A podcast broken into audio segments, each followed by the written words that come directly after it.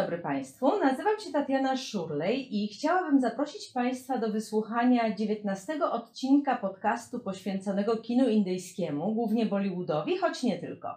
Przede wszystkim pragnę przeprosić Państwa za opóźnienie, ale trudna sytuacja pandemiczna w Indiach i związany z nią fakt, że od prawie miesiąca nie wyszłam z domu, wpędził mnie w taki pewien stupor i niemoc. Naprawdę, przez e, pewien czas byłam w stanie jedynie zmusić się do tego, żeby przygotować i e, przeprowadzić zaplanowane na dany dzień zajęcia, a to i tak z towarzyszącą mi za każdym razem złudną nadzieją, że może dzisiaj nikt się nie pojawi, bo nie mam sił udawać pozytywnego nastroju. No, ale w końcu postanowiłam się jednak wziąć w garść i oto jestem.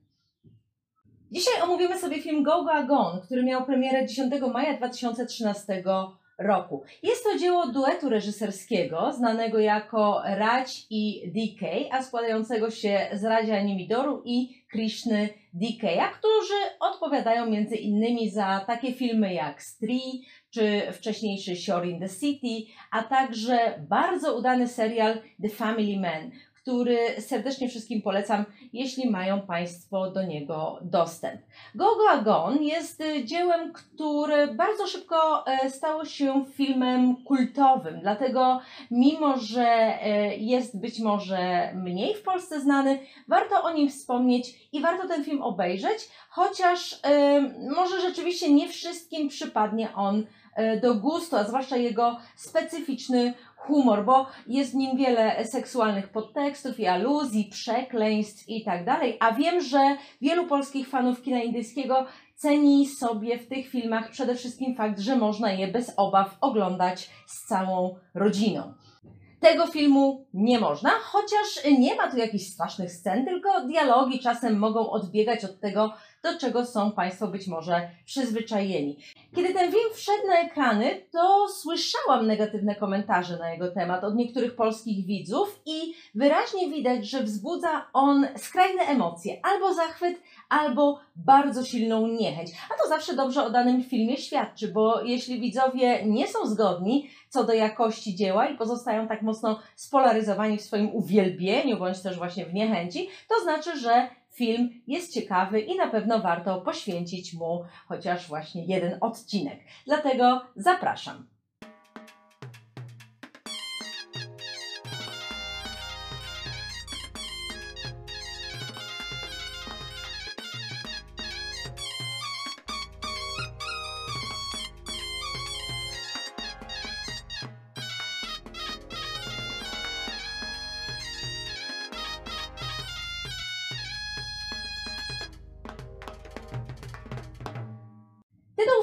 Go Go Gone to ponownie spory problem dla tłumacza, bo polskie jedź do Goa i zgin traci swój oryginalny rytm wynikający z użycia trzech krótkich wyrazów zaczynających się tą samą literą i nawiązujących do odmiany nieregularnego angielskiego czasownika to go, bo go, goa, gone odwołuje się do odmiany go, went, gone. Go Goa, czyli jedź do Goa, jest też typowym hasłem reklamującym tę destynację. Możemy więc e, ten tytuł rozumieć również jako e, przeminięcie dawnego szczęśliwego Go Goa, czyli to, że Go Goa jest już teraz gone, a więc, że go nie ma. Ponieważ, jak to dosadnie pokazują twórcy filmu, ze spokojnego, pięknego, turystycznego Goa niewiele już dzisiaj pozostało, ale do tego jeszcze wrócimy. W każdym razie tytuł jest na pewno ciekawy i niejednoznaczny, a zapis nawiązuje przy okazji do obecności Rosjan, którzy dla tej opowieści będą istotni. N w ostatnim słowie gon zapisano w lustrzanym odbiciu. Przypomina więc ono literę I cyrylicy, czyli takie właśnie odwrócone łacińskie N. Ale oczywiście funkcjonuje w tytule jako, jako N. Bohaterami filmu Go Go Gon są trzej przyjaciele, którzy razem mieszkają i pracują w tej samej firmie, chociaż na różnych stanowiskach. Bunny, w rolę którego wcielił się Anand Tiwari, jest spokojnym chłopakiem, który powoli pnie się po szczeblach kariery w pewnej bombajskiej korporacji i jest zajęty głównie pracą. Innymi osobami są już jednak jego dwaj przyjaciele, niestrodniący od y, używek i przygodnych romansów Love i Hardik. Love, którego zagrał Wirdas, ma dziewczynę, Priyankę, która jednak go porzuca, uważając naszego bohatera za nieudacznika. Hardik z kolei, w rolę którego wcielił się Kunal Kemu, jest przede wszystkim e, zainteresowany dobrą zabawą i przelotnymi romansami, dlatego nasi przyjaciele niezmiernie się cieszą, kiedy dowiadują się, że Bunny ma odbyć wyjazd służbowy do Goa. Love i Hardy. Tu przy okazji warto zaznaczyć, że dobór imion tych bohaterów nie jest przypadkowy.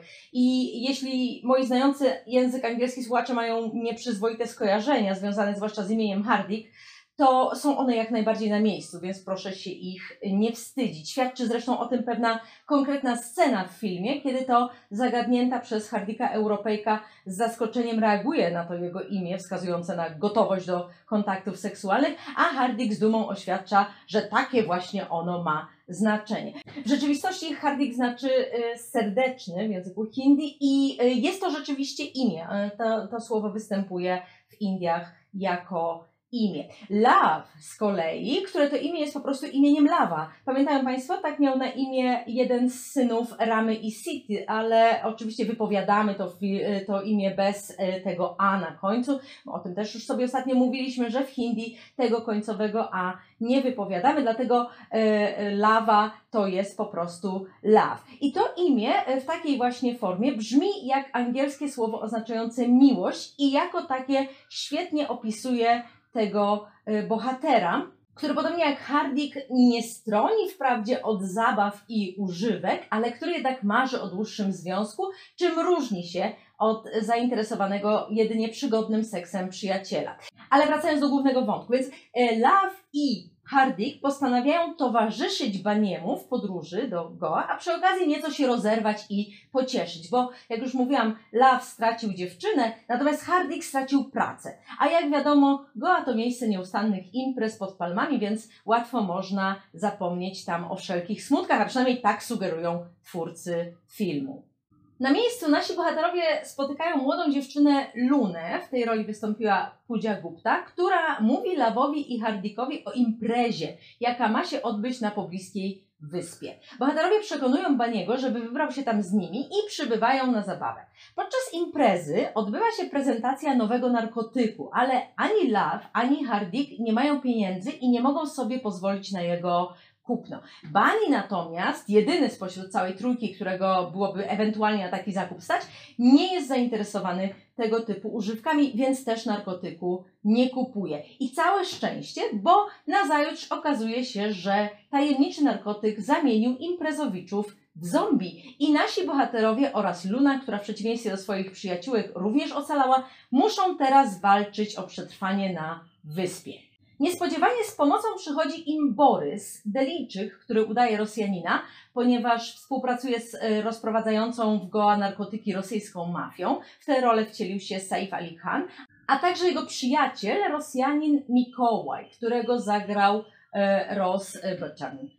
Mimo, że to Borys i Mikołaj odpowiadają za tragedię, jaka rozegrała się na wyspie, bo to oni zorganizowali imprezę i rozprowadzili wśród gości nowy narkotyk, potrafią obchodzić się z bronią. Dlatego stają się dla naszych bohaterów jedynym ratunkiem. I w ten sposób zaczyna się walka o przeżycie. Ale o przeżycie tak naprawdę do następnego dnia, bo bohaterowie planują uciec z wyspy łódką wypożyczoną przez e, Baniego Lawa i Hardika, która jednak nieodpowiednio zabezpieczona odpłynęła i trzeba e, poczekać 12 godzin, aż prąd morski przygna ją z powrotem. Przy okazji proszę zwrócić uwagę na zabawnie zapisane imię łódki. E, w Indiach bardzo często zdarza się, że pewne angielskie wyrazy zostają zapisane ze śmiesznymi błędami, czy to w restauracyjnych jadłospisach, e, czy na szyldach, co jest takie dosyć, dosyć zabawne.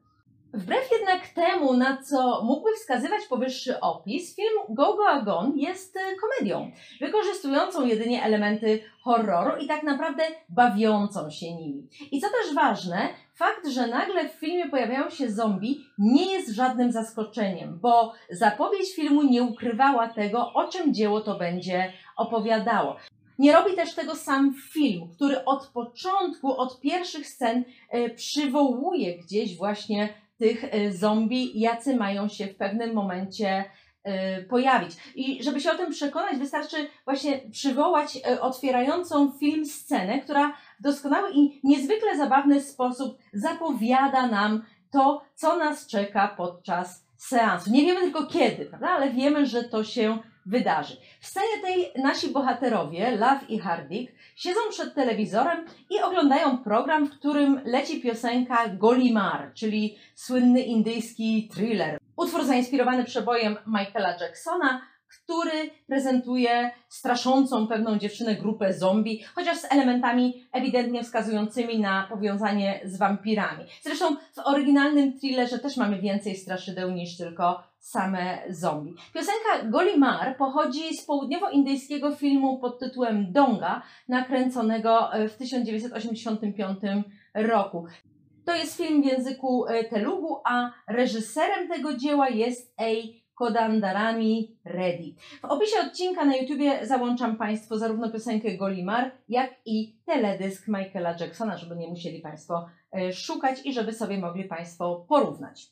No więc nasi bohaterowie oglądają program, w którym leci ta piosenka, ale nie dlatego, że są nią szczególnie zainteresowani, tylko dlatego, że żadnemu z nich nie chce się sięgnąć po leżącego na stole pilota, żeby zmienić kanał. Na co nie bez wpływu pozostaje fakt, że obaj znajdują się pod wpływem rozleniwiającej ich e, marihuany. Ale już właśnie fakt, że oglądają tę piosenkę mówi nam, że aha, tutaj coś y, właśnie z tymi zombie będzie się na pewno działo. Zresztą o tym, tak jak mówiłam, wiemy, bo wiemy, y, przystępując do oglądania filmu Go Go Agon, wiemy, że jest to film o zombie. W pokoju znajduje się też e, Bunny, ale nie siedzi z kolegami przed telewizorem, tylko pracuje przy biurku czy tam stole. W pewnym momencie gaśnie światło, a kiedy Bunny, który w ciemności próbuje się przedostać do swoich kolegów, upada, towarzyszy temu zajściu pewne napięcie. Dlatego spodziewamy się, że coś złego za moment się wydarzy. Koledzy próbują się dowiedzieć, co się stało Baniemu, a kiedy zapalają zapałkę, żeby zorientować się w tych ciemnościach, wyłania się na moment straszliwa twarz. Okazuje się jednak, że to tylko próbujący się przedostać do kolegów przez y, zabałaganiony pokój Bani, który wpadł w pizzę, a ona rozmazała mu się na twarzy i dlatego Bani wygląda jak potwór. Ten fragment filmu wyraźnie odwołuje się do indyjskich horrorów klasy B, o których już sobie kiedyś mówiliśmy, a, a odwołuje się dlatego, że potwory z takich dzieł często opisywane e, były, czy nadal są, jako e, postaci, które mają pizzę na twarzy, bo rzeczywiście twórcy tych horrorów bardzo dosłownie podchodzili do straszenia swoich widzów, wykorzystując niekiedy przesadzoną charakteryzację. I wiem, wiem, zaraz mi Państwo przypomną, że angielskie wyrażenie pizza face, czyli pizzowa twarz, używane jest do określenia człowieka, który ma problemy z cerą, ale w przypadku indyjskich potworów e, i ich opisów chodzi o prawdziwą pizzę, która tutaj w filmie Go Go Agon została użyta dosłownie. I w ten sposób ona zapowiada widzowi, że będzie miał do czynienia z filmem o potworach, ale też przypomina y, o klasycznych indyjskich strachach i w ten sposób daje z kolei do zrozumienia, że postaci, z którymi widz spotka się w Go Go Agon, będą bardziej tak naprawdę groteskowe niż straszne. Co więcej, kiedy nasi wystraszeni bohaterowie, czyli Love i Hardik, orientują się, że postacią, którą wzięli za potwora jest Bunny, mówią mu coś w stylu: O rany, wyglądasz zupełnie jak ten, no, mm, no, ten, mm, jak to się mówi, ten zo, zo. I wtedy pojawiają się napisy i film się zaczyna. Przepraszam, że poświęciłam tyle czasu na skrupulatne opowiedzenie tej sceny, ale jest ona ważna również z innego powodu. Film bowiem zabawnie wykorzystuje fakt, że tym tematem, czyli tematem zombie, nikt się za bardzo wcześniej w Indiach nie interesował, chociaż Gogo Agon nie jest pierwszym filmem indyjskim o zombie, do czego jeszcze wrócę. Filmowcy krytykują to przede wszystkim globalizację, która przyniosła do Indii żywe trupy, spychając rodzime duchy i czarownice na plan dalszy. Zresztą zombie, o czym za chwilę powiem coś więcej, są tak naprawdę produktem i metaforą globalizacji, ale w ujęciu indyjskim dodaje im się jeszcze innego znaczenia. W pewnym momencie filmu, kiedy bohaterowie zastanawiają się, skąd w ogóle wzięli się ci zombie, bo przecież w Indiach nie ma zombie, jeden z nich mówi, że to wszystko wina białych, którzy najpierw przywieźli HIV, a teraz zombie. Co oczywiście można potraktować jako zwykły żart, ale co też ma głębsze znaczenie, bo globalizacja i kultura masowa rzeczywiście wypiera wiele rodzimych elementów kulturowych, zastępując je tym, co charakterystyczne dla całego świata i co pozostaje takie samo, niezależnie od miejsca, w jakim się narodziło. Bo przecież zombie, którzy dzisiaj są fenomenem globalnym, tak naprawdę wywodzą się z kultury haitańskiej, a w przeciwieństwie do filmów starszych, żaden z obecnych filmów już do tego faktu nie nawiązuje. Nie bez znaczenia pozostaje zresztą fakt, że nasi bohaterowie pracują w korporacji, która też jest dzisiaj symbolem pewnej unifikacji i międzynarodowej jednolitości.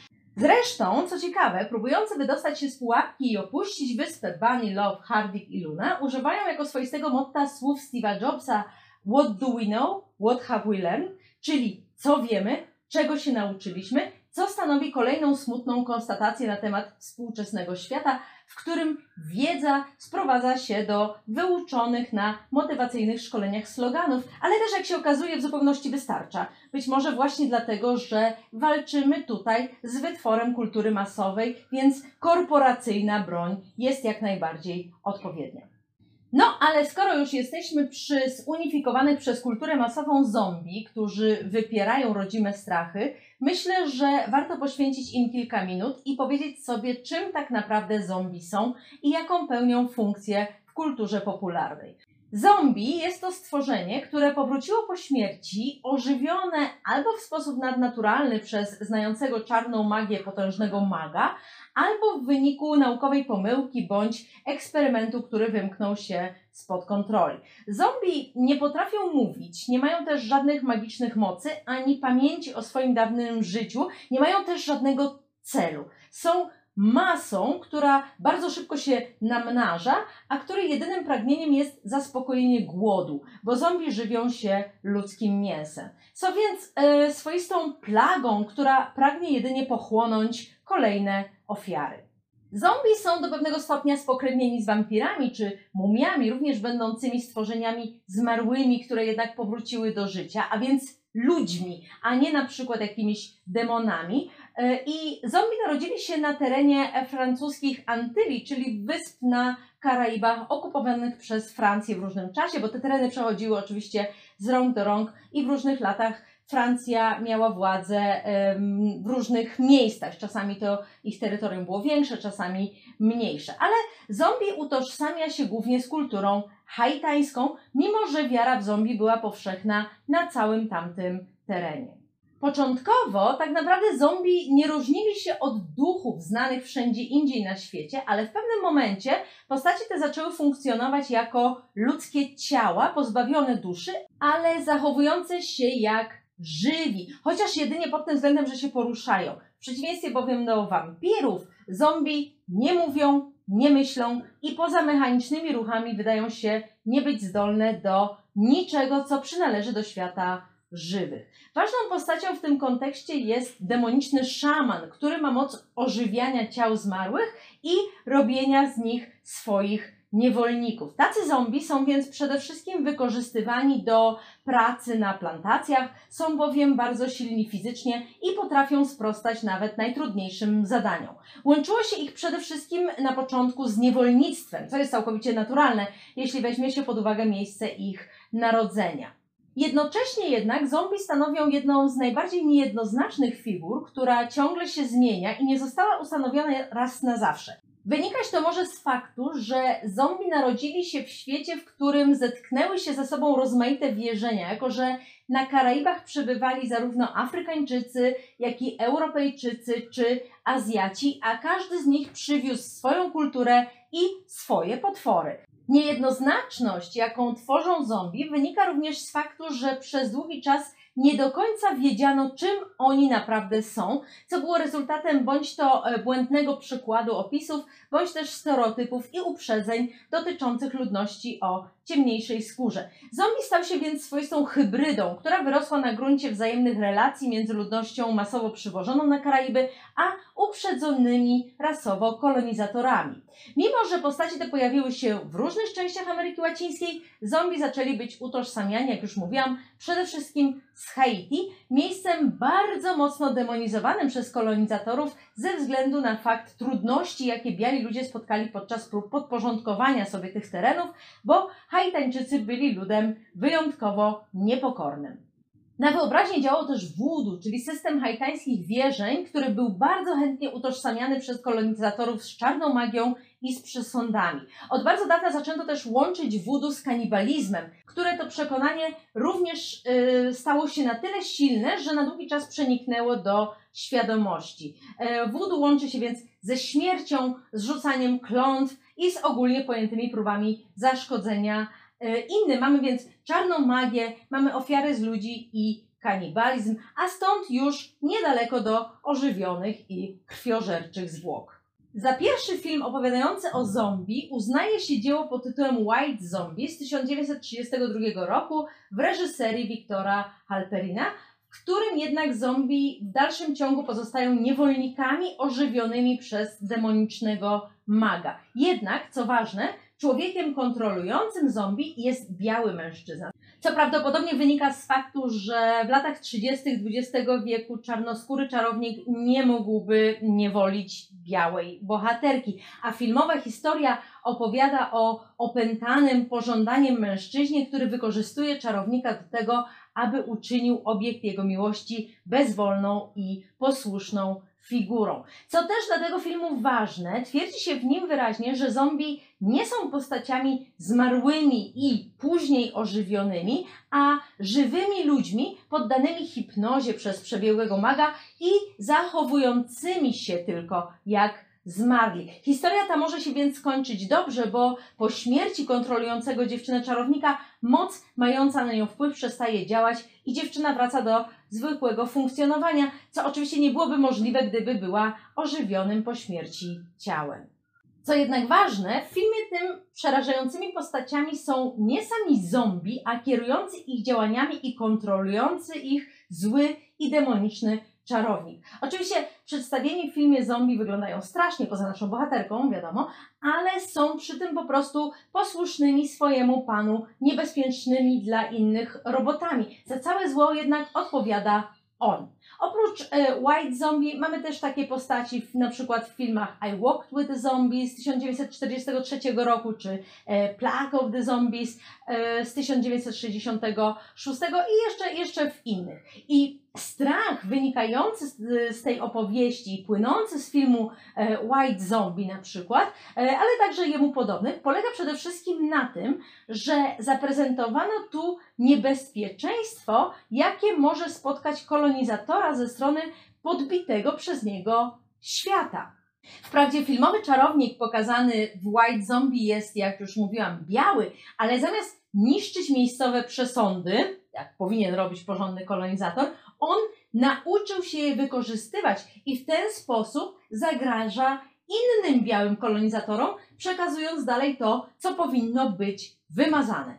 I proszę zwrócić uwagę na to, że podobnie dzieje się w filmie Go Go Gone. Borys jest Indusem, który jednak współpracuje z Rosjanami i za ich pomocą sprowadza do Indii plagę, wcześniej tutaj nieznaną. Plagę, która zagraża temu, co miejscowe i usuwa to, co miejscowe, wypierając je właśnie tym, co przyniosła, czyli y, tym, co nowe. Przełomem w pokazywaniu zombie na ekranie stał się film Noc żywych trupów z 1968 roku w reżyserii George'a Romero, w którym zombie, zwani w filmie gulami, chociaż gul to nie jest ożywiony trup, albo po prostu y, zwani w tym filmie tym czymś, w każdym razie w tym filmie nie pada słowo zombie, ale y, no, postaci wyglądają jak zombie, więc y, ci zombie, którzy się tam pojawiają, są już atakującą masą, której nikt nie kontroluje, a przeciwnie, przed którą trzeba się chronić i bronić. I w tym filmie pojawiają się już te elementy, które e, będą odtąd przynależne opowieściom o zombie i które będą się później powtarzać. Na przykład fakt, że aby zabić zombie należy mu zniszczyć mózg, więc e, trzeba strzelać w głowę. Czy też charakterystyczny dla, ta, e, dla takich filmów motyw potrzeby sprzymierzenia się przeciwko złu w grupie osób, które prawdopodobnie w innych okolicznościach nigdy by ze sobą nie współpracowały. W filmie Romero e, jest też e, jednak jeszcze obecny strach e, zombie przed ogniem, który w późniejszych filmach przestanie już występować. Bo w przeciwieństwie do wampirów, które na przykład boją się światła słonecznego, srebra czy krzyży, zombie nic nie jest w stanie powstrzymać. W filmie Romero powstrzymuje je jeszcze do jakiegoś, do pewnego stopnia ogień, później już nie.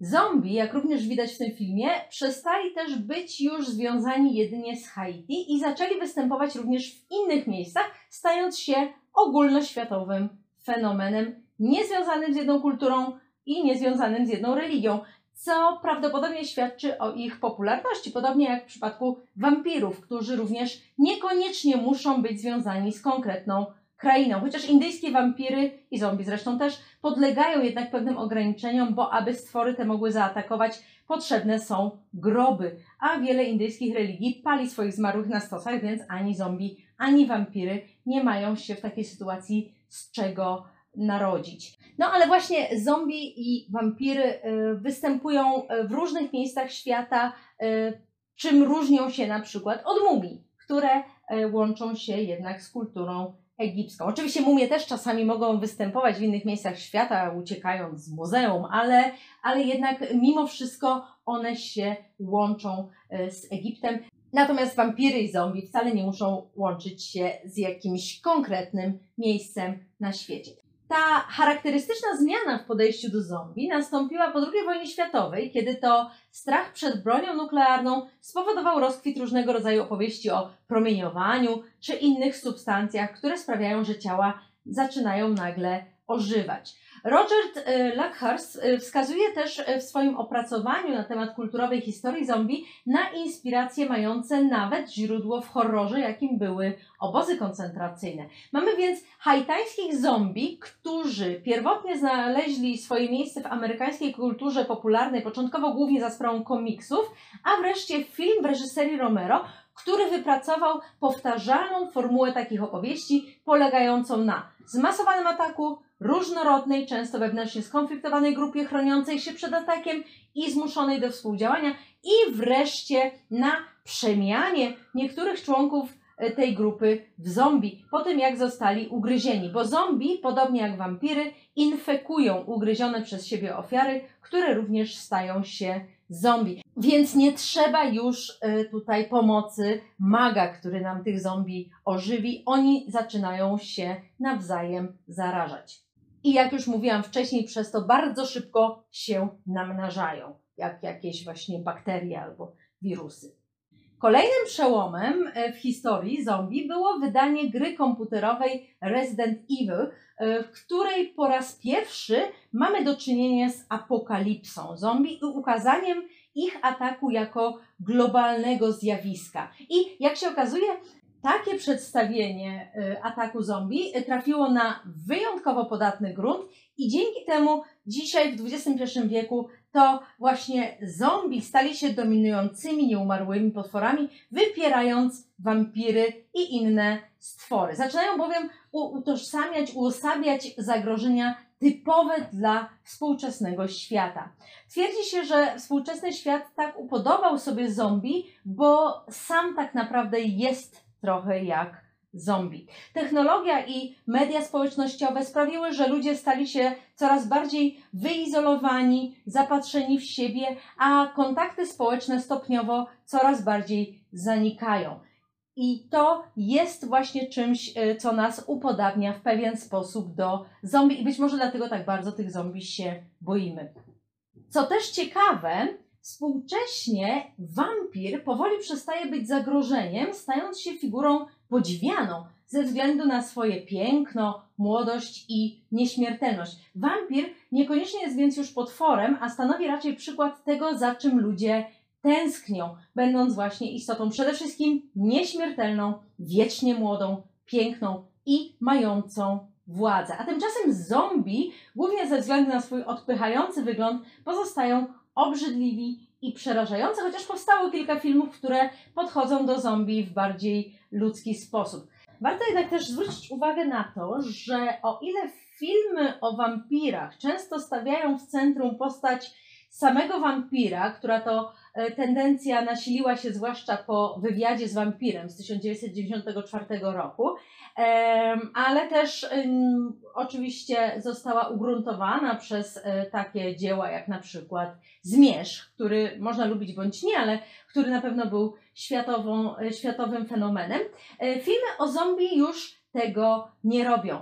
E, w dziełach dawniejszych e, najważniejsza była figura czarownika, który kontroluje zombie, a w filmach późniejszych skupiamy się na grupie osób, które przed zombie próbują uciec. Zombie natomiast pozostają zagrażającą ludziom masą, której przedstawiciele nie mają indywidualnych cech. To również ten fakt sprawia, że nie możemy zombie współczuć. I chociaż podejmowano oczywiście próby ukazania tych postaci w nieco bardziej pozytywnym świetle, nasz film, film Go Go Agon, tego nie robi i zombie pozostają tu bezmyślnie mordującą masą. Jedynym tragizmem związanym z postacią zombie jest w większości filmów tego typu moment, w którym ugryziony zostaje któryś z członków grupy broniącej się przed żywymi trupami. Wiemy, że ten człowiek stanie się zombie, ale przez krótką chwilę, zanim do tego dochodzi, mamy okazję mu współczuć, bo później już nie. Proszę zwrócić na to uwagę w filmie Go Go Agon. Moment, w którym jeden z bohaterów zostaje ugryziony i żegna się z pozostałymi, jest chwilą bardzo tragiczną, ale kiedy w finale pojawia się już jako zombie, nie wzbudza współczucia, bo zatracił ludzkie cechy. Współczucia nie wzbudza też była dziewczyna Lawa Priyanka, którą również spotykamy wraz z jej nowym chłopakiem na wyspie, ale spotykamy już ich w momencie, kiedy nie są ludźmi. Oczywiście możemy powiedzieć sobie, że nie współczujemy jej, bo, bo ona od początku nie była postacią sympatyczną, bo przecież porzuciła tego biednego lawa, ale wydaje mi się, że nie, że tutaj chodzi jednak o coś, e, o coś więcej. Nie współczujemy Priance, bo Priyanka nie jest człowiekiem. Zombie z filmu Gogo Agon są metaforą narkomanów, którzy podobnie jak pozbawiona uczuć masa żywych trupów nie interesują się niczym innym poza zaspokojeniem swojego głodu. I tu dochodzimy do jeszcze jednego istotnego dla tego filmu elementu, a właściwie do jego najważniejszego przesłania, jakim jest ostrzeżenie przed narkotykami. Bo film ten, mimo że prezentuje nam chętnych do próbowania wszelkich używek lawa i hardika, wyraźnie przed tymi używkami przestrzega, chociaż nie przed wszystkimi.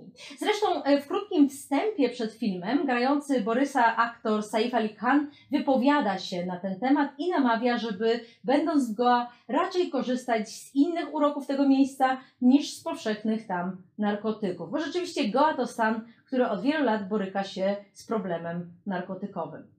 Goa jest to najmniejszy stan w Indiach, znany z plaż, taniego alkoholu i licznych imprez. Można więc powiedzieć, że to jest taka indyjska Ibiza, bo pamiętać należy, że mimo iż Indie mają ogromne wybrzeża, e, nie wszystkie plaże nadają się tam do plażowania, a to ze względu na miejscową kulturę, w której do dzisiaj publiczne parodowanie w stroju kąpielowym nie jest akceptowalne, zwłaszcza wśród kobiet. Oczywiście poza Goa istnieją też w Indiach inne plaże dostępne dla zagranicznych turystów i otwarte na ich sposób wypoczywania, ale trzeba wiedzieć, które. Ja na przykład mieszkałam przez 4 lata w Karnatace i miałam pół godziny do najbliższej plaży, ale absolutnie nie była to plaża taka jak plaże w Goa i nigdy nie odważyłabym się tam wystąpić w kostiumie kąpielowym. Oczywiście teoretycznie tego nie zakazuje, ale trzeba się liczyć z tym, że w miejscach nieprzystosowanych do potrzeb i przyzwyczajeń zagranicznych turystów kobieta w kostiumie kąpielowym może stać się nie lada atrakcją, a w dzisiejszym świecie mediów społecznościowych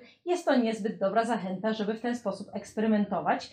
No chyba, że ktoś chce być gwiazdą miejscowych Instagramów i Facebooków, to wtedy oczywiście ma szansę zaistnieć.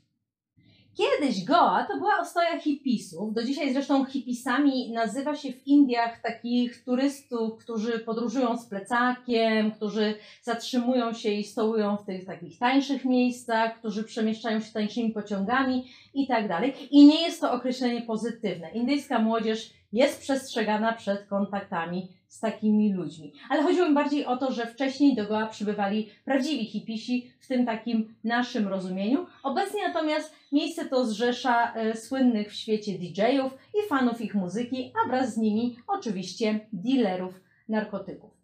O ile jednak kiedyś królowała tu głównie marihuana, dzisiaj w Goa można dostać przede wszystkim wszelkie te imprezowe narkotyki. To dlatego też e, miejsce to ma szczególną opinię w Indiach i uważane jest często za dość niebezpieczne. Chociaż z drugiej strony Goa to też ulubiony cel podróży poślubnych. Tyle, że indyjscy nowożeńcy raczej pozostają w hotelowych enklawach i yy, nie, nie chodzą na yy, ogólnie dostępne plaże ani właśnie jakieś całonocne imprezy.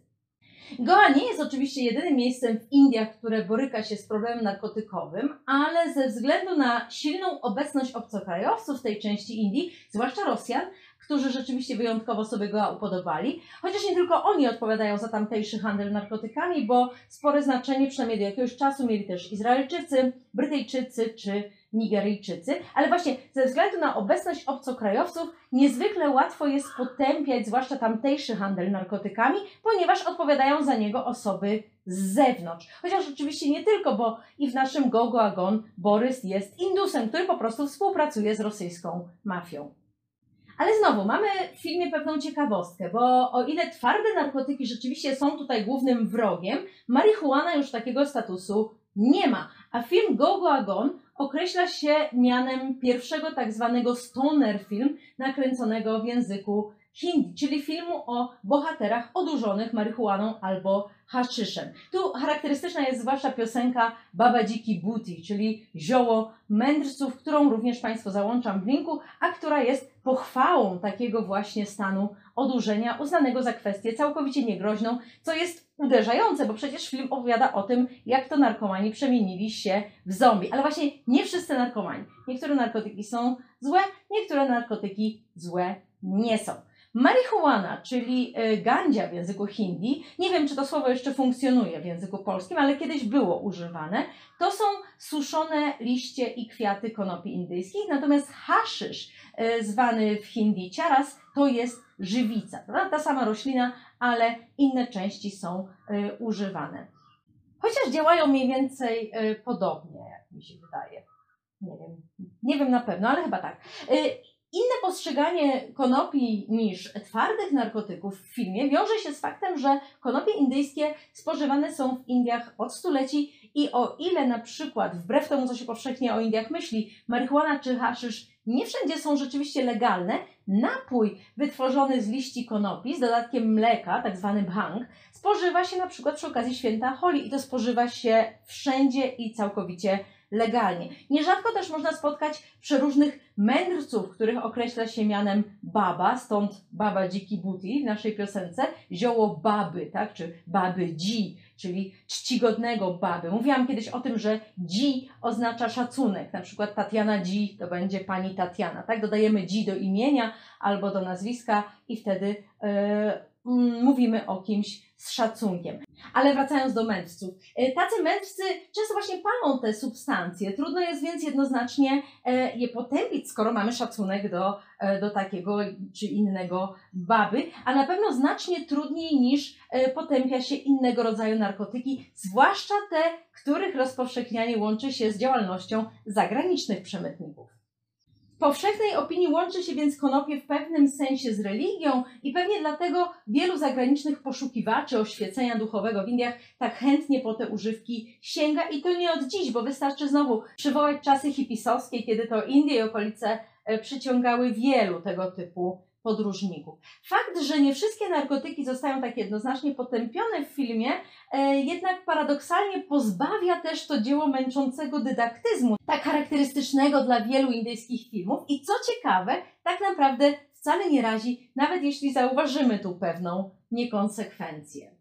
Innymi używkami, które pojawiają się w naszym filmie, są też papierosy i alkohol, oczywiście. I tutaj również warto wspomnieć o charakterystycznym elemencie, z jakim w filmach indyjskich mamy do czynienia, a z jakiego twórcy Gogo Agon sobie również zażartowali. Mianowicie indyjska cenzura wymaga, żeby za każdym razem, kiedy w filmie pojawiają się papierosy, narkotyki albo alkohol, na ekranie umieszczano napis, że są to substancje szkodliwe dla zdrowia. A przed takim filmem pokazuje się ostrzeżenie dotyczące przede wszystkim szkodliwości tytoniu. Chociaż dzisiaj to prawo nie jest przestrzegane tak rygorystycznie jak jeszcze kilka lat temu. Tak mi się przynajmniej wydaje, bo te napisy przestały być tak nachalne, albo może się po prostu przyzwyczaiłam.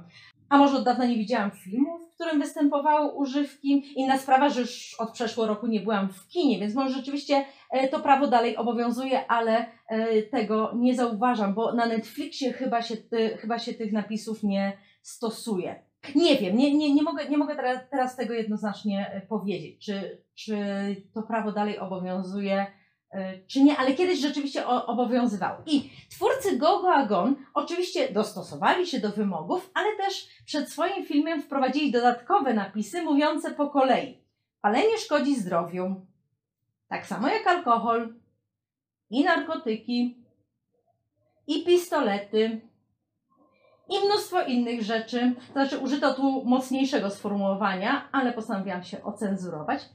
Więc uważajcie, bo rzeczywiście w pewnym momencie te wszystkie ostrzeżenia i wyjaśnienia, że twórcy danego filmu nie mieli zamiaru nikogo urazić, ani do niczego namawiać, ani niczemu się sprzeciwiać i tak dalej, i tak dalej, zaczęły być bardzo mocno przesadzone. I na przykład indyjski reżyser Anurag Kashyap stoczył kiedyś e, w tej sprawie prawdziwą batalię, bo nie chciał się zgodzić na umieszczenie takiego napisu, e, napisu e, antynikotynowego w swoim filmie Ugly. Nie wydaje mi się jednak, że wygrał, bo w Agli chyba te napisy są, ale miał sporo racji, bo rzeczywiście pojawienie się takiego napisu w każdej scenie, w której tylko mignie papieros czy butelka z alkoholem, okropnie rozprasza widza, zwłaszcza jak się ogląda film w kinie. Pamiętam, jak niekomfortowo oglądało się na przykład taki film Kalakandi, którego bohater co chwilę sięga po jakieś używki. W pewnym momencie naprawdę miałam ochotę krzyczeć, że wiem, że palenie czy picie szkodzi, bo ten migający napis był po prostu irytujący. Bo inaczej by było, gdyby taki napis pozostawał w tym e, prawym dolnym rogu przez cały czas. To wtedy funkcjonowałby tak jak logo i nie rozpraszałby. Ale kiedy tak właśnie wskakuje on od czasu do czasu, to oko zawsze tam ucieka. I zamiast skupić się na danej scenie, my od razu patrzymy na tego papierosa w ręce bohatera albo butelkę gdzieś na półce w tle, bo szukamy tego elementu, którego dotyczy napis. Bo to czasami jest element nawet, nawet na pierwszy rzut oka nieistotny, nie, nie, e, nie występujący na pierwszym planie, ale mimo wszystko, kiedy pojawia się napis, zaraz zaczynamy e, tego, tego papierosa czy tego właśnie alkoholu e, szukać. Jest to strasznie irytujące. No, ale wracając do filmu. Oprócz tego, że o filmie Gogo Agon mówi się, że jest to pierwszy e, film właśnie o ludziach e, będących pod wpływem e, narkotyków, pod wpływem marihuany, mówi się też o nim, że jest to pierwszy indyjski film o zombie, ale to akurat nie jest prawdą, ponieważ w tym samym 2013 roku pojawił się też film Rise of the Zombie. Reżyserami tego dzieła są e, Luke Kenny, który zresztą zagrał główną rolę w filmie, i Devaki Singh. Film miał premierę 4 kwietnia 2013 roku, czyli ponad miesiąc wcześniej niż Go Go Agon, ale ponieważ rzeczywiście jest to dzieło na wpół amatorskie, wydaje się, że mogło powstać po tym, jak już ruszyły zdjęcia do Go Go Agon, a twórcy mogli po prostu podchwycić e, ciekawy temat, słysząc, że ktoś chce kręcić film o zombie. Podobnie e, było na przykład z filmami Sultan i Dangal, które dziwnym zbiegiem okoliczności opowiadają o zapaśniczkach, niezbyt dotychczas popularnych bohaterkach. I tu też, ponieważ Sultan jest znacznie mniej dopracowany niż Dangal, wydaje się, że był filmem wtórnym, mimo że pojawił się w kinach wcześniej.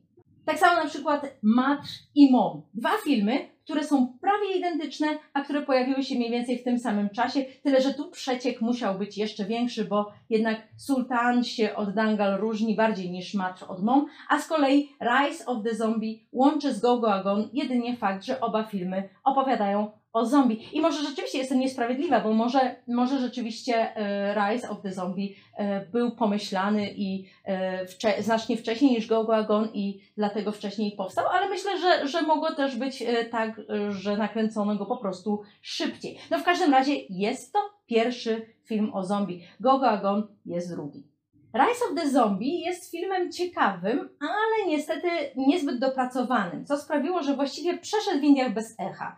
Można się też tak naprawdę zastanawiać, czy bohater tego dzieła jest zombie, bo on nie umiera, a jedynie zmienia się pod wpływem ukąszenia tajemniczego insekta. Ten fakt można jeszcze jednak było filmowi wybaczyć, bo jak już mówiłam, zombie to w sumie dość niejednoznaczna figura. Biorąc jednak pod uwagę fakt, że przez większość filmu obserwujemy milczące zmagania bohatera ze swoim mrocznym ja, lepszym pomysłem byłoby zatrudnienie bardziej utalentowanego aktora, który by te zmagania pełniej pokazał. I tutaj e, tak naprawdę na tym zasadza się mój główny zarzut do tego, do tego filmu, bo o ile e, no jest jak jest, dobrze, no, no bohater może, może rzeczywiście do końca e, zombie nie jest to historia, jest dosyć ciekawa, historia właśnie takiego e, bycia pochłoniętym przez mroczne ja, ale nie zostało to wystarczająco dobrze zagrane.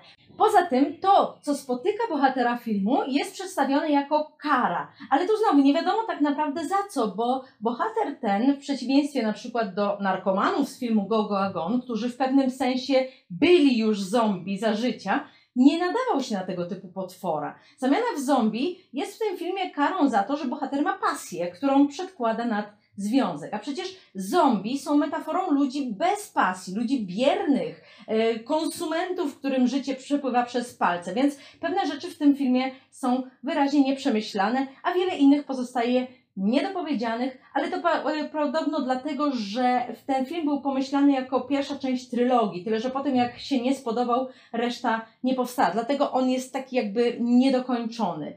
Mm, I nie wynika to prawdopodobnie z artystycznego zamysłu, tylko naprawdę chciano e, coś tam w późniejszym czasie więcej dodać, ale już tego nie zrobiono. Mniej więcej w tym samym czasie miał też powstać jeszcze inny film o zombie e, pod tytułem Rock the Shady, ale to dzieło nigdy nie zostało zrealizowane. Po porażce filmu Rise of the Zombie wielu krytyków martwiło się, co przyniesie kolejne dzieło o żywych trupach, czyli Go Go Agon i twierdzono nawet, że Film jest komedią, bo twórcy indyjscy nie potrafią kręcić porządnych horrorów, więc od początku postanowili strywializować podjęty przez siebie temat. Tymczasem Gogo Agon okazał się filmem bardzo udanym i znacznie głębszym niż początkowo uważano, a o czym już sobie powiedzieliśmy. Na uwagę zasługuje też na przykład wyszydzenie uzależnienia od Facebooka, jakie w filmie ma miejsce, a nawet e, faktu, że ludzie w dobie internetu i różnych innych nowinek technicznych, jak na przykład kalkulatory, przestali przywiązywać wagę do tak zwanej wiedzy ogólnej, bo skoro wszystko można sobie sprawdzić w kilka sekund, nie ma potrzeby tego zapamiętywać. W filmie jest taka scena, w której Borys przepytuje Hardika z różnych dziedzin, podejrzewając, że Hardik jest zombie i chcą w ten sposób sprawdzić działanie jego mózgu, a tymczasem biedny Hardik, typowe dziecko internetu, po prostu pewne umiejętności zatracił, więc do pewnego stopnia rzeczywiście można powiedzieć, że zombie się stał. Mówiłam już o tym, że film świadomie wykorzystał znany z indyjskich horrorów motyw pizzy na twarzy, a innym charakterystycznym dla kina indyjskiego motywem, do którego film nawiązuje, jest też taniec między drzewami. W taki sposób zwykle ironicznie określa się filmowy erotyzm w kinie indyjskim, zwłaszcza y, w filmach z lat 60. i 70., kiedy to romans między bohaterami polegał na wspólnych pląsach wśród drzew, a pocałunki symbolizowały zbliżające się do siebie główki kwiatów na łące czy między tymi drzewami. Hardik z Gogo Agon poznaje na imprezie dziewczynę, z którą spędza miłosne chwile na plaży, a później dziewczyna ta, już jako zombie, siedzi w łódce, która jest jedynym ratunkiem dla naszych bohaterów. Hardik nie chce jednak jej zabijać, dlatego wywabia ją z łódki, a krwiożercza dziewczyna zombie rzuca się za nim w pogoń między drzewami w groteskowej parodii miłosnych igraszek znanych z klasycznych filmów. Przy okazji zaznacza się tu zresztą pewna niekonsekwencja twórców, bo wcześniej wyraźnie mówi się o tym, że zombie nie biegają, tylko że są właśnie bardzo powolni, ale scena ta jest tak zabawna, że można to tak naprawdę twórcom wybaczyć. Na koniec warto też wspomnieć o aktorach, którzy w tym filmie zagrali. Gwiazdą filmu jest oczywiście Saif Ali Khan, który zagrał Borysa. E, jest to syn aktorki Sharmili Tagore, który filmową karierę zaczynał w latach 90., chociaż przez bardzo długi czas bez powodzenia i dopiero przełomowym filmem stał się dla niego film e, Dil Chahta Hai, którego akcja też zresztą w pewnym momencie rozgrywa się w Goa i który nawet rozpoczął taką modę wśród indyjskiej młodzieży na odwiedzanie tego regionu, bo wcześniej, jak już mówiłam, Goa uznawano za niebezpieczne miejsce pełne tych strasznych hipisów, a niektórzy do dzisiaj tak uważają. Być może więc osadzenie Saifa Alego Khana e, właśnie w kolejnym takim filmie e, o Goa było swoistym nawiązaniem do Dil Hai. Saif Ali Khan był też producentem Go Goa Gone, ale na początku nie za bardzo chciał grać w tym filmie, bo nie wiedział jak podejść do nieznanej dotychczas w indyjskim kinie kwestii zombie. Dlatego reżyserzy filmu dali mu do przeczytania książkę Maxa Brooksa The Zombie Survival Guide. Zabawne opracowanie na temat tego, jak przeżyć atak zombie. I rzeczywiście w filmie można odnaleźć cytaty zaczerpnięte z tej pozycji, a właśnie wygłaszane przez Borysa. W filmie pojawia się też na moment Soha Ali Khan, siostra Saifa Alego Khana, która jednak mimo że też jest aktorką, nigdy nie zrobiła wielkiej kariery, chociaż polskim widzom powinna być znana z filmu Rang de Basanti, czyli kolor szafranu. Soha Ali Khan pojawia się w scenie, w której Hardik opowiada Lunie o okrutnej dziewczynie, która z nim kiedyś zerwała, mając nadzieję, że Luna zacznie mu współczuć, a on to wykorzysta w wiadomy sposób. Jest to takie mrugnięcie okiem do widza, bo Soha Ali Khan jest nie tylko siostrą Saifa Alego Khana, ale jest też żoną Kunala Kemu, który w filmie Gogo Agon zagrał Hardika.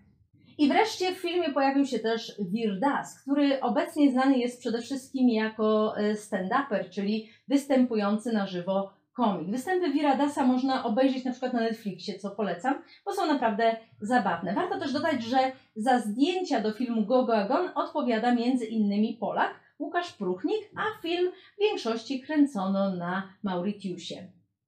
Film miał się ponoć doczekać sequela pod tytułem Go Go Agon 2, który zapowiedziano na marzec 2021 roku, ale mimo, że marzec już był, nigdzie nie udało mi się znaleźć konkretnej informacji, czy ten film w końcu się ukazał, czy nie. Znowu, może źle szukam, więc y, zwracam się do Państwa z prośbą o pomoc. W każdym razie druga część miała już y, opowiadać o kosmitach, a nie o zombie. Natomiast jeśli chodzi o zombie, to mimo, że od premiery Go Go Gone i filmu Rise of the Zombie minęło 8 lat, nie pojawiło się w Indiach zbyt wiele tego typu filmów, a przecież horrory od jakiegoś czasu zaczęły gościć w Indiach e, na nowo, więc nie wiem dlaczego akurat e, zombie się pomija. Powstały jednak dwa seriale. E, pierwszym jest czteroodcinkowy Ghoul z 2018 roku, dostępny na Netflixie, który ciekawie się zapowiadał, ale niestety po drugim odcinku zupełnie zawiódł. W każdym razie mówię o nim dlatego, że już dzisiaj spotkaliśmy się ze słowem ghoul, bo tak określano potwory z filmu Noc żywych trupów, więc myślę, że warto powiedzieć sobie coś więcej e, na ten temat, czym te gule są. Gul to jest postać wywodząca się ze świata arabskiego, ale mimo, że gule żywią się ciałami zmarłych i spotkać je można na cmentarzach, w przeciwieństwie do zombie czy wampirów, a nawet duchów zmarłych, to nie są ludzie. To są po prostu demony. Ale w 1968 roku, kiedy powstał film Noc żywych trupów, e, postać zombie, jaką znamy dzisiaj, jeszcze nie do końca się wykrystalizowała, stąd te góle w tamtym dziele. Ale też, jak mówiłam, często też e, w tamtym filmie używało się po prostu sformułowania to coś co wskazuje na to, że twórcy sami jeszcze nie do końca wiedzieli, czym to coś jest. Drugim serialem jest również dostępny na Netflixie Betal z 2020 roku, w którym już mamy do czynienia z zombie, ale który, podobnie jak Ghoul, nie jest zbyt dopracowany. Warto jednak o nim wspomnieć z jednego powodu, mianowicie tytuł tego dzieła nawiązuje z kolei do Betali albo Wetali, który występuje w mitologii hinduskiej. Betala jednak, mimo że bywa czasem utożsamiany z wampirem, też nie jest człowiekiem, tylko duchem, e, w sensie pewną siłą, nie duchem zmarłego. Duch ten e, również pojawia się w miejscach kremacji, czyli tam, gdzie znajdują się zwłoki, i potrafi wejść w ciało zmarłego i w jakiś sposób go ożywić, ale jednak nieco inny niż ma to miejsce w przypadku zombie. Istnieje indyjska opowieść, a właściwie zbiór opowieści, która została przetłumaczona na język polski i nosi tytuł 25 opowieści wampira, więc mogą ją sobie Państwo przeczytać. Fabuła w skrócie jest taka, że król Vikramaditya zostaje poproszony o to, żeby schwytał dającego się ludziom we znaki wetale, ale żeby to zrobić, trzeba zachować ciszę. Kiedy król udaje się w pobliże jego siedziby, przebiegły wetala opowiada mu historię, którą kończy pytaniem. Król nie może się powstrzymać przed udzieleniem odpowiedzi i misja się nie udaje. Vikramaditya podejmuje kolejne próby, a Vetala snuje kolejne opowieści z kolejnymi pytaniami. A o czym są te opowieści, to już sobie proszę doczytać. Co też ciekawe, w Goa, w wiosce Amona, istnieje też świątynia Wetali, więc można sobie tam pojechać. Jeśli będą Państwo kiedyś w Goa i już się Państwu znudzi plażowanie i imprezowanie. To wtedy można, bo, to, bo ta świątynia jest troszeczkę oddalona od, y, od morza, więc y, i od, od tych linii brzegowej, gdzie najwięcej turystów przebywa, no ale Goa, jak mówiłam, to nie jest duży stan, więc, y, więc tam się podróżuje dosyć szybko. Zachęcam tych z Państwa, którzy jeszcze nie widzieli Gogo Agon do nadrobienia tej zaległości i koniecznie do podzielenia się wrażeniami w komentarzu, również tymi negatywnymi oczywiście, bo zdaję sobie z tego sprawę, że mogą one y, występować. Dzisiaj niestety nie mam pomysłu na żaden maraton, bo nie jestem na tyle okrutna, żeby polecać Państwu y, serial Ghoul albo Betal, ale zawsze można rzucić okiem na któryś z występów y, Viradasa. Na koniec chciałabym też oczywiście zapowiedzieć kolejny majowy odcinek, który obiecuję pojawi się na czas. Omówimy w nim sobie film Fana, który kręcony był między innymi w Polsce. Ponownie spotkamy się więc z Amirem Khanem i z Kadzią, która z tego co wiem jest jedną z najbardziej lubianych w Polsce indyjskich aktorek, więc myślę, że mój wybór Państwa ucieszył. Dziękuję już na dzisiaj i jeszcze raz przepraszam za opóźnienie. Do usłyszenia.